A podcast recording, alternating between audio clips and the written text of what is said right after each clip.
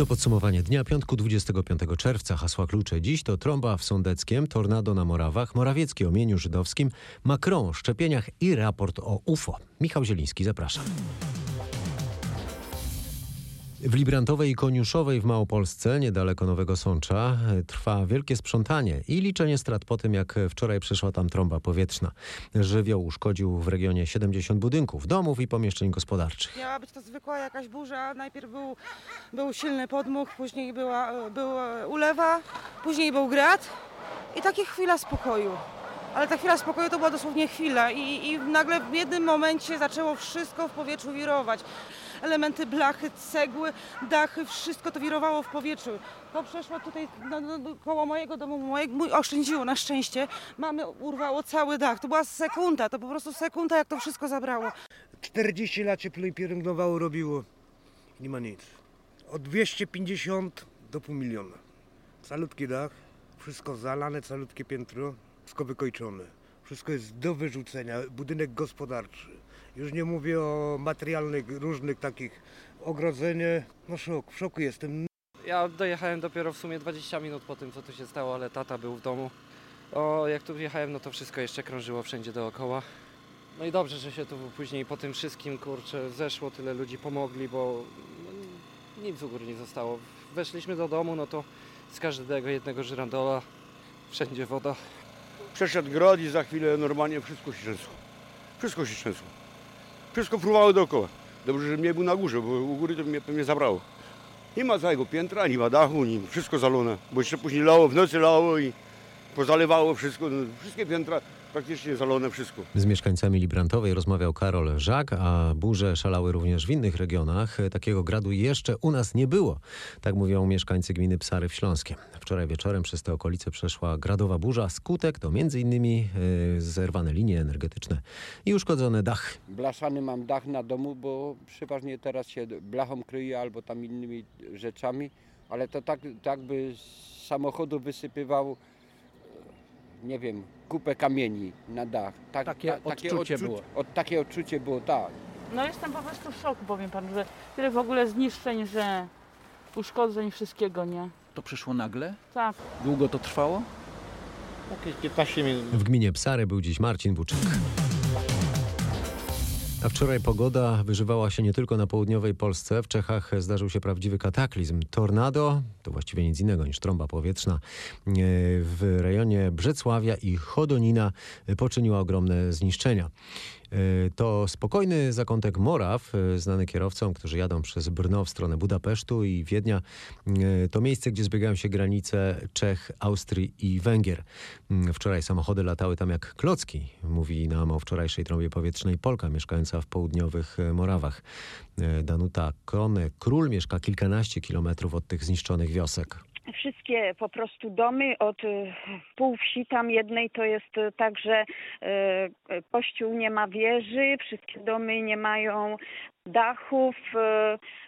Te, co widziałam w, w gazetach dzisiejszych, to samochody, które były zaparkowane, nawet te, które były w garażach, to jak zerwało dach z garażu, to samochody, samochody po prostu latały jak klocki, porozbijały po drodze po prostu no po prostu jest to jakby jakby wybuchło, wybuchła tam jakaś bomba albo, albo po prostu jak po jakimś bombardowaniu to tam tak wygląda, a, a straty na ludziach to nie wiem dokładnie, bo uściślają cały czas. Rano słyszałam, że cztery osoby w tej jednej miejscowości są martwe, a 80 chyba w szpitalach. W związku z kataklizmem w Czechach w stan gotowości postawiono 19 zastępów Straży Pożarnej ze Śląska. Ponad 60 ratowników ma ruszyć do Czech, by pomagać w usuwaniu skutków tego tornada. W zasadzie spektrum sprzętu to jest cały wachlarz sprzętu ratowniczego, głównie do usuwania skutków anomalii pogodowych, powalone drzewa, uszkodzone dachy, sprzęt ciężki, budowlany również posiadamy, ale przede wszystkim taki sprzęt, który pomoże ludziom zabezpieczyć dachy i żeby oni mogli w miarę normalnie funkcjonować. To jest główny Mówi cel. Mówi brygadier Wojciech Rabka, naczelnik Wydziału Operacyjnego Komendy Wojewódzkiej Państwowej Straży Pożarnej w Katowicach. A jak pogoda będzie wyglądała w ten weekend? E, O tym Grzegorz Walijewski z Instytutu Meteorologii i Gospodarki Wodnej. Weekend zdecydowanie chłodniejszy niż ten, który mieliśmy y, wcześniej. E, Wartości już nie będą przekraczały 30 stopni Celsjusza, ale nie będzie y, też diametralnie zimno, nie będzie jak jesiennie. Wartości maksymalne to od około 20-22 nad samym morzem, przez y, 23 w centrum, najcieplej na południu i południowym wschodzie, tam 25-26 stopni, tak będzie w sobotę. W niedzielę nawet y, nieco cieplejsza aura, bo 26 pojawią się praktycznie w całym kraju, nad morzem około 21. I trzeba też y, powiedzieć, że y, sobota jeszcze gdzieś w, w południowo-wschodniej części kraju mogą się pojawić burze, natomiast niedziela zdecydowanie lepsza słońca, no, będzie sporo, szczególnie w południowej części kraju, a jeżeli chodzi o opady, to jedynie gdzieś w Warmia, Mazury, Podlasie, tam może przelotnie popadać. Także weekend no, niezbyt ciepły, ale nie aż tak bardzo zimny. Jeżeli chodzi o deszczowo, no to jeszcze w, w sobotę w południowo-wschodniej części kraju i tam też burze. W niedzielę deszczowo w północno-wschodniej części kraju. A teraz w podsumowaniu dnia o burzy w relacjach polsko-izraelskich. To kolejny ostry spór dyplomatyczny między Polską i Izraelem. Tym razem chodzi o nowelizację kodeksu postępowania administracyjnego przyjętą przez Sejm. Ta nowelizacja zakłada, że po upływie 30 lat od wydania decyzji administracyjnej niemożliwe już jest jej zakwestionowanie. To uniemożliwi zwrot mienia żydowskiego lub ubieganie się o rekompensatę, yy, twierdzi izraelskie Ministerstwo Spraw Zagranicznych. Więcej na ten temat Paweł Balinowski. Nowy szef izraelskiego MSZ-u Yair Lapid stwierdził, że Polska, na której ziemi zamordowano miliony Żydów, popełnia poważny błąd, a nowe prawo jest niemoralne. Polski resort dyplomacji odpowiadał, te wypowiedzi wskazują na nieznajomość faktów i polskiego prawa. Polska nie ponosi żadnej odpowiedzialności za Holokaust. Bardzo możliwe, że konflikt będzie narastał, zwłaszcza, że włączają się w niego Stany Zjednoczone i stają po stronie Izraela. Rzecznik Departamentu Stanu Ned Price zaapelował do Sejmu o wstrzymanie nowelizacji. Amerykańska ambasada w Warszawie przekonuje z kolei, że zamknie ona drogę do dochodzenia roszczeń Żydom ocalonym z Holokaustu. Nowe prawo w żaden sposób nie ogranicza możliwości składania pozwów cywilnych w celu uzyskania odszkodowania, odpowiada strona polska. No, premier Mateusz Morawiecki, y, gwoli uzupełnienia, oświadczył, że dopóki on jest y, szefem rządu w tej sprawie nie będzie ustępstw. Polska mówi zatem nie, przynajmniej na razie, żądaniom rekompensat za mienie ofiar Holokaustu, a, Unia Europejska jednak nie powiedziała Rosji. Skończył się dwudniowy unijny szczyt w Brukseli i liderzy nie zgodzili się tam e, na spotkanie na najwyższym szczeblu z Rosją, z Władimirem Putinem, a parły do tego Niemcy i Francja. E, Nasza korespondentka w Brukseli, Katarzyna Szymańska-Borginą, zauważa, że premier Mateusz Morawiecki przyznał, że podczas tej dyskusji zdarzały się dramatyczne wręcz głosy. Było dużo emocji. Te dramatyczne głosy, jak zresztą przyznał e, premier Morawiecki, pochodziły od krajów bałtyckich. To przede wszystkim Litwa, Łotwa i Estonia do ostatniej chwili, do drugiej nad ranem blokowały zapisy francusko-niemieckie. Oczywiście Polska też miała swój udział w tym niedopuszczeniu do złagodzenia tonu wobec Rosji, a konkretnie do e, zasygnalizowania, tak chciały właśnie e, Paryż i Berlin, zamiaru spotkania z Putinem unijnych przedstawicieli. E, trzeba było długo i dobitnie tłumaczyć, że nie możemy nagradzać prezydenta Putina za to, że prowadzi swoją napastliwą i konfrontacyjną politykę, mówił e, premier. E, Na sali Morawiecki zresztą wspominał także o cyberatakach, e, wymieniał agresywne działania Rosji także wobec jej własnych obywateli, na przykład wobec Aleksieja Nawalnego. Z kolei Francja, Niemcy, wspierane przez Hiszpanię, Włochy i, i Austrię, powoływały się na szczyt prezydenta Stanów Zjednoczonych Joe Bidena z Putinem i twierdziły, że nie można pozostawić Stanom Zjednoczonym wyłączności na rozmowę z Putinem. Ostatecznie Niemcy i Francja musiały odpuścić. E, Zapisano we wnioskach końcowych ze szczytu, że Rada Europejska, czyli szczyt, przeanalizuje formy i warunki dialogu z Rosją. Teraz zacznie się rozmawiać o tym ewentualnym spotkaniu z Putinem i obawiam się, że wcześniej czy później do takiego szczytu Unia-Rosja jednak dojdzie, ale może później niż wcześniej. To podsumowanie dnia piątku 25 czerwca. Teraz zrobi się tajemniczo. A może wręcz dziwnie. Amerykański kongres może jeszcze dziś otrzymać raport w sprawie UFO, a właściwie UAP. To skrót od niezidentyfikowane zjawiska powietrzne. To amerykańscy piloci. Donald Trump podpisał po świętach e, Bożego Narodzenia ustawę, która zawiera polecenie, by dyrektor wywiadu narodowego wraz z sekretarzem obrony USA przygotowali dossier, które zawierać ma wszystko, co władze wiedzą o niezidentyfikowanych latających zjawiskach, a następnie mają przekazać ten dokument kongresowi do ujawnienia. Prezydent dał na to 180 dni, z czego wynika, że termin upływa właśnie dziś. Przez lata UFO było oficjalnie przedmiotem kpin ze strony władz i mediów w Stanach, mimo że CIA e, sprawą się zajmowała po cichu. Dopiero prezydent Barack Obama przyznał, że coś jest na rzeczy, a niedawno Departament Obrony już oficjalnie uruchomił specjalny wydział do badania niewyjaśnionych zjawisk w powietrzu. Co więcej, Pentagon zaczął formalnie informować o incydentach, w tym publikując film kręcony z pokładu samolotu sprzed kilku lat. Widać na nim dziwny obiekt latający i słychać zdziwionych pilotów. There's a whole fleet of them. Look on the. Nagranie stało się znane jako film z Tic-Takiem. Pilot porucznik Alex Dietrich wspomina. Uh, Wszyscy stwierdziliśmy obecność obiektu, który określiliśmy jako tic-tac, bo przypominał z wyglądu ten cukierek. Biały, podłużnego kształtu obiekt, który poruszał się bardzo szybko. Dowódca podjął manewr mający na celu nawiązanie kontaktu z tym obiektem. Wykonywał zwroty, a obiekt odpowiadał w sposób nam nieznany. Było to zaskakujące, bo nie dało się na nim zaobserwować żadnych powierzchni nośnych ani zespołów napędowych. John Radcliffe, który jako dyrektor wywiadu narodowego, bo przestał nim być przed miesiącem, przygotował ten raport.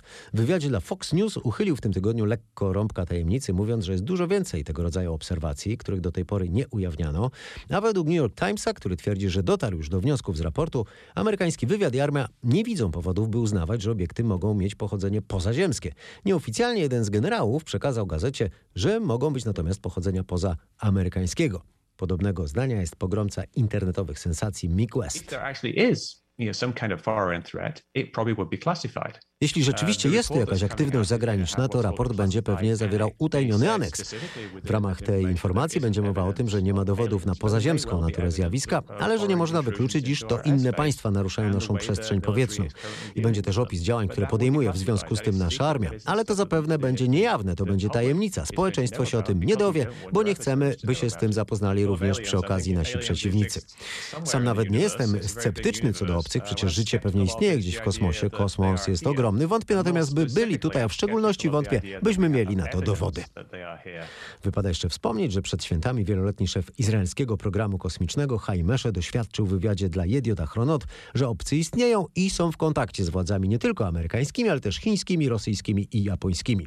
87-letni profesor wyjaśnił, że wcześniej o tym nie mówił, bo trafiłby niechybnie na leczenie. Tłumaczył, e, że ludzkość się o tym nie dowie, bo jest jeszcze na to nie gotowa. Uznano wówczas, że ten wywiad to była pewnie promocja książki emeryta. Prezydent Francji coraz poważniej rozważa wprowadzenie obowiązkowego szczepienia przeciwko koronawirusowi dla pielęgniarek i lekarzy oraz personelu domów spokojnej starości. Według źródeł w Pałacu Elizejskim decyzja w tej sprawie ma zapaść w razie szybkiego rozprzestrzeniania się nowego wariantu Delta. Przeciwko możliwości wprowadzenia obowiązkowych szczepień personelu służby zdrowia we Francji protestuje już część branżowych związkowców, donosi z Paryża Marek Gładesz. Jak najbardziej twierdzą oni, że byłby to skandal, bo ich zdaniem ciągle nie można stwierdzić ze stuprocentową pewnością, że dostępne szczepionki przeciwko koronawirusowi nie będą miały negatywnych, długoterminowych skutków ubocznych, które mogą się pojawić na przykład dopiero za kilka lat. Wprost wyprowadza to z równowagi premiera Żana Castexa, który odpowiada, że związkowcy powinni bać się raczej koronawirusa, a nie szczepionek. Wielu ekspertów podkreśla zresztą, że już w tej chwili pracownicy służby zdrowia mają obowiązek szczepienia się przeciwko wielu innym chorobom, a więc nie byłoby to czymś wyjątkowym.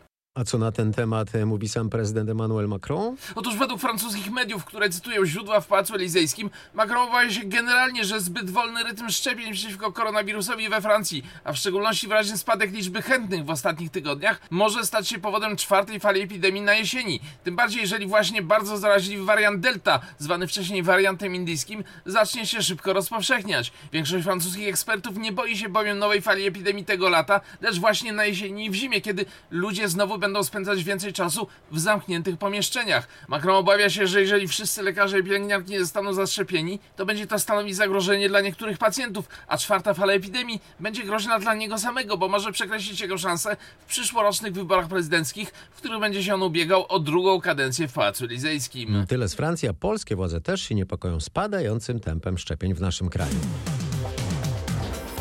Od dziś infolinia przy Narodowym Funduszu Zdrowia zaczyna akcję dzwonienia do osób, które jeszcze się nie zaszczepiły. Zapowiedział w Białymstoku szef resortu zdrowia Adam Niedzielski. E, Będzie wykonane blisko e, milion połączeń w najbliższym czasie. To oczywiście zajmie trochę czasu, ale tą akcję już zaczynamy, więc proszę nie być zaskoczonym, jeżeli te osoby, które nie są jeszcze zaszczepione, otrzymają telefon, to będzie telefon e, od takiego call center czy infolinii, która jest zarządzana przez Narodowy Fundusz Zdrowia i e, chcemy dotrzeć do tych, którzy jeszcze e, się nie zaszczepili. Chcemy dać im możliwość, nie będą musieli wykonać praktycznie żadnego kroku, tylko odpowiedzieć na pytanie, a już e, konsultant na infolinii umówi bezpośrednio takiego e, pacjenta. I teraz sumując wszystkie te informacje, bo mam nadzieję, że akcja szczepień doprowadzi nas do tego, że będziemy mieli tą odporność populacyjną. Ja przypominam, wszystkie wyniki badań mówią, że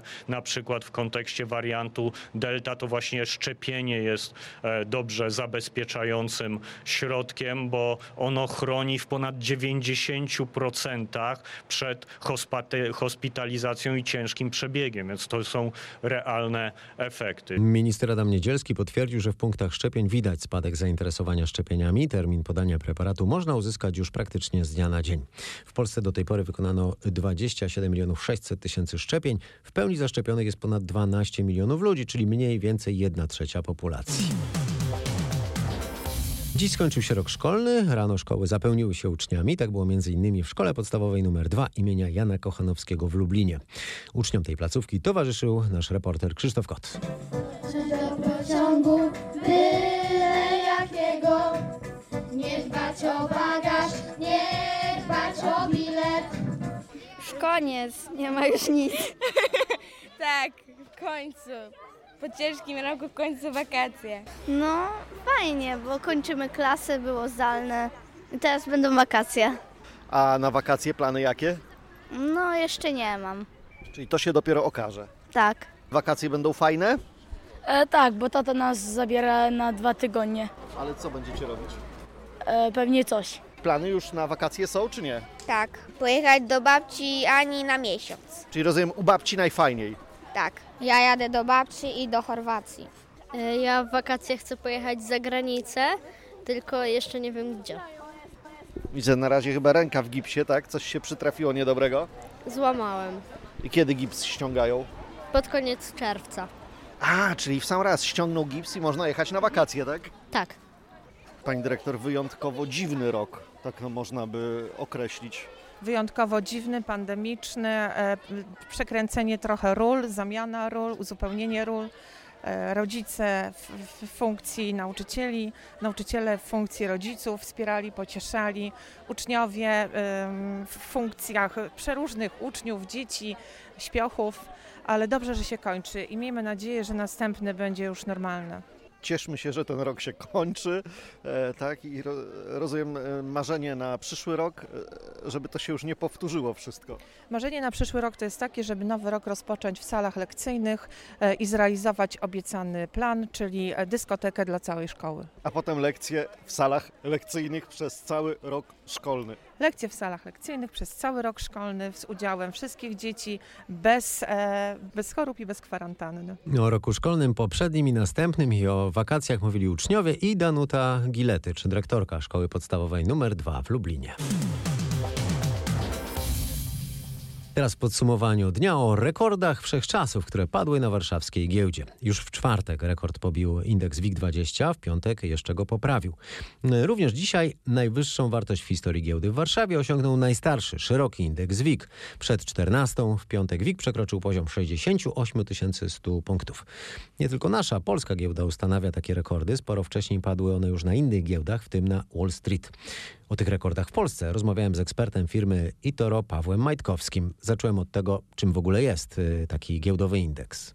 No, indeks to nic innego jak zbiór e, wszystkich albo wybranych spółek, które są notowane na danej giełdzie.